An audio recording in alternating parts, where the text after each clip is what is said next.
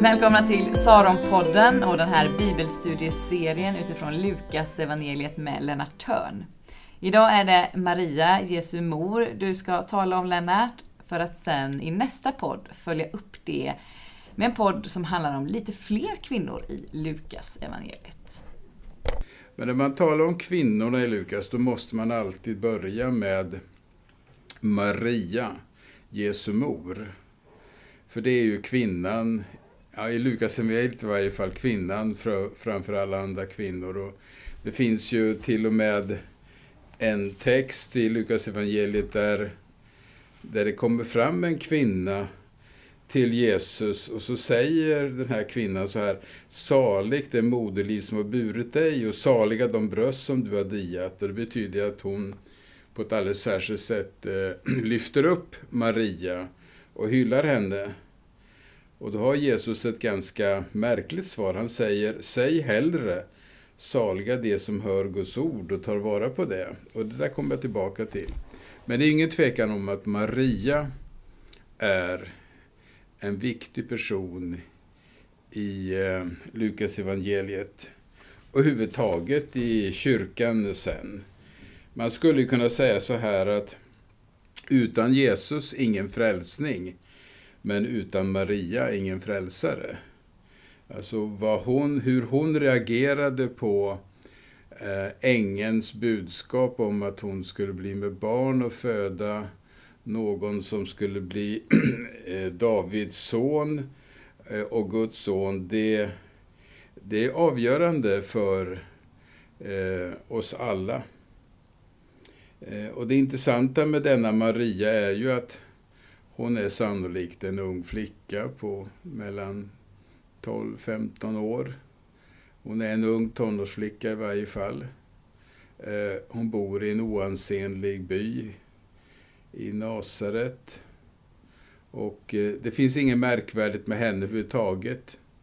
Ehm, men hon får besök av ängeln Gabriel som ger henne besked om att de ska föda en son som ska heta Jesus och som ska regera eller ta över Davids välde. Och eh, hon förstår inte hur det ska gå till för hon har ännu inte haft någon man. Eh, och det visar ju att hon förstår hur man får barn, men eh, hon är inte i, i, en sexuell relation ännu, även om hon är trolovad med Josef.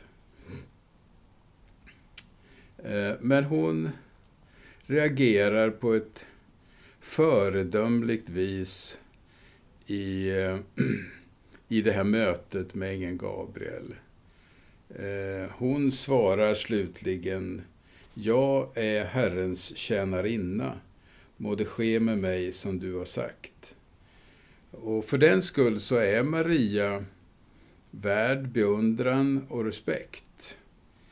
Inom den protestantiska eh, fromheten och kristenheten så eh, dyrkar vi inte Maria, vi tillber inte henne, men hon är i allra högsta grad värd vår respekt Därför att som jag sa tidigare, utan henne hade Jesus inte fötts. Eh, I den text som sen följer i Lukas evangeliet som handlar om Marias besök hos Elisabet så kallar Elisabet ehm, eh, Maria för min herres mor. Och det kan man tolka på flera olika sätt. Det kan ha ungefär samma betydelse som jag är Herrens tjänarinna, hon är Herrens tjänarinna och då så Herren för Herren Gud. Men eh, det kan ju också vara så att Jesus betecknas av Elisabet som Herren och då blir det Herren Jesus mor. Inom kristenheten, eh, i de stora kyrkorna, så har Maria inte bara kallats, kallats min Herres mor utan också Guds moder, till och med gudaföderska. Och hon är i så mått och gudaföderska att, att hon föder visserligen inte Gud. Gud fanns ju före henne. Men i hennes moderliv blev Guds evige son till människa. Eh, inkarnationen eh, i eh, Gud gjorde sig beroende av Maria i inkarnationen, i människoblivandet, när Guds son skulle bli människa. Får jag flika in en, en fråga som jag sitter ja. och lurar på? Då tänker jag, ja, men du som har eh, levt ett, ett liv eh, som kristen och liksom mött Maria eh, i texter och funderingar. Hur, hur, tänker du kring, vad har du för relation till, eller hur, hur funderar du kring Maria? Om man får ställa en personlig fråga. Ja, det är en väldigt bra fråga. Jag måste nog säga att jag inte har någon personlig relation till Maria annat än att hon har vuxit för mig eh, som ett föredöme. Eh, som den som ställer sig till Guds förfogande. Eh, och för mig är hon också eh, i någon mening den första lärjungen, den första kristna människan. Mm. Så hon är, hon går före oss alla andra. Hon går också före mig. Hon överträffar i varje fall mig på, på, i, i många, många avseenden. Och för den skull så, så tänker jag på Maria med väldigt, väldigt stor respekt och värme. Jag kan inte säga att jag ber till Maria.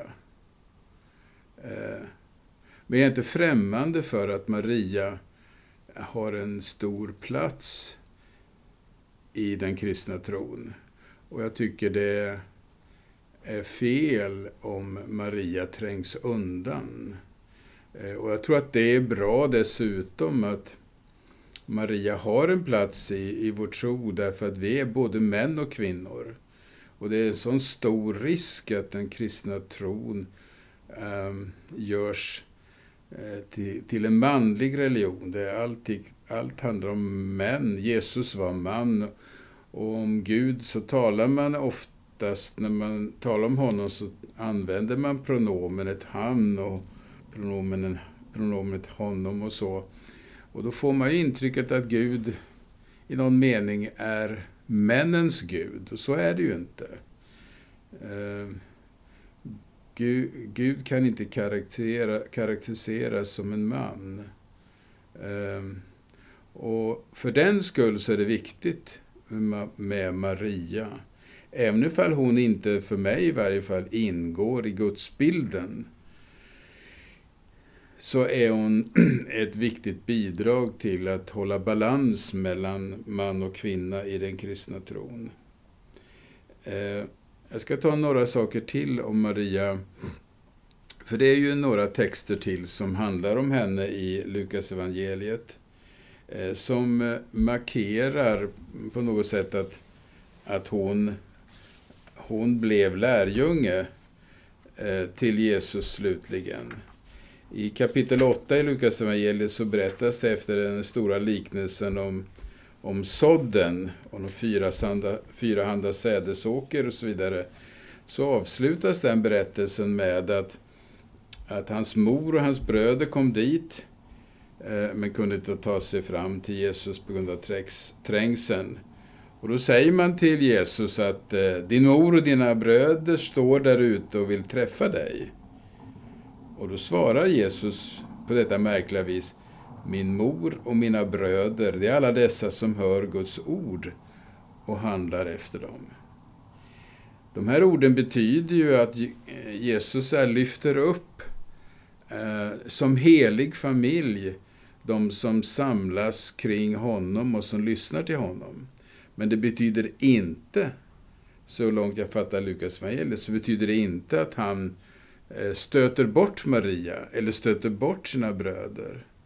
Och det kan man tydligt se att när vi kommer till Apostlagärningarna, som också är skrivet av Lukas, det första kapitlet, så berättas det ju där att när lärjungarna var samlade så står det alla dessa hölls, höll ihop under ständig bön tillsammans med några kvinnor, Maria, Jesu mor och hans bröder.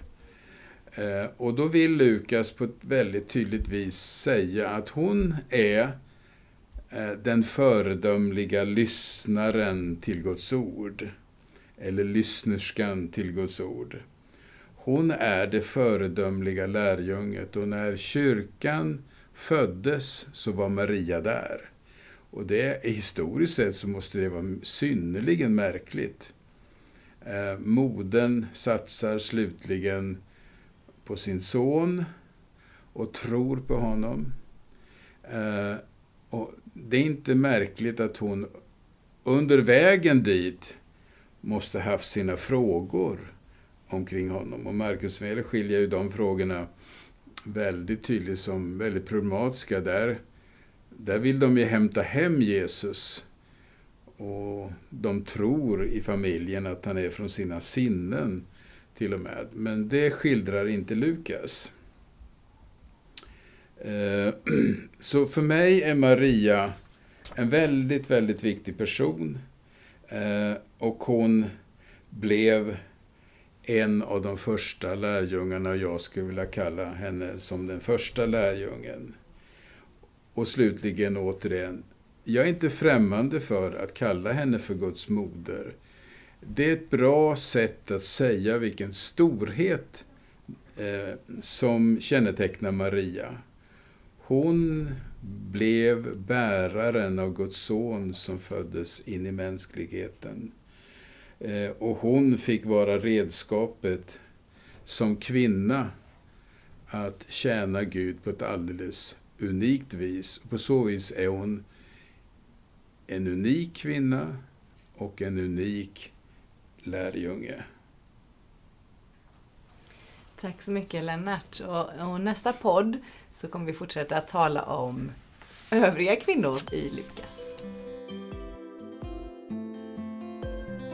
Saronpodden produceras av Saronkyrkan i Göteborg.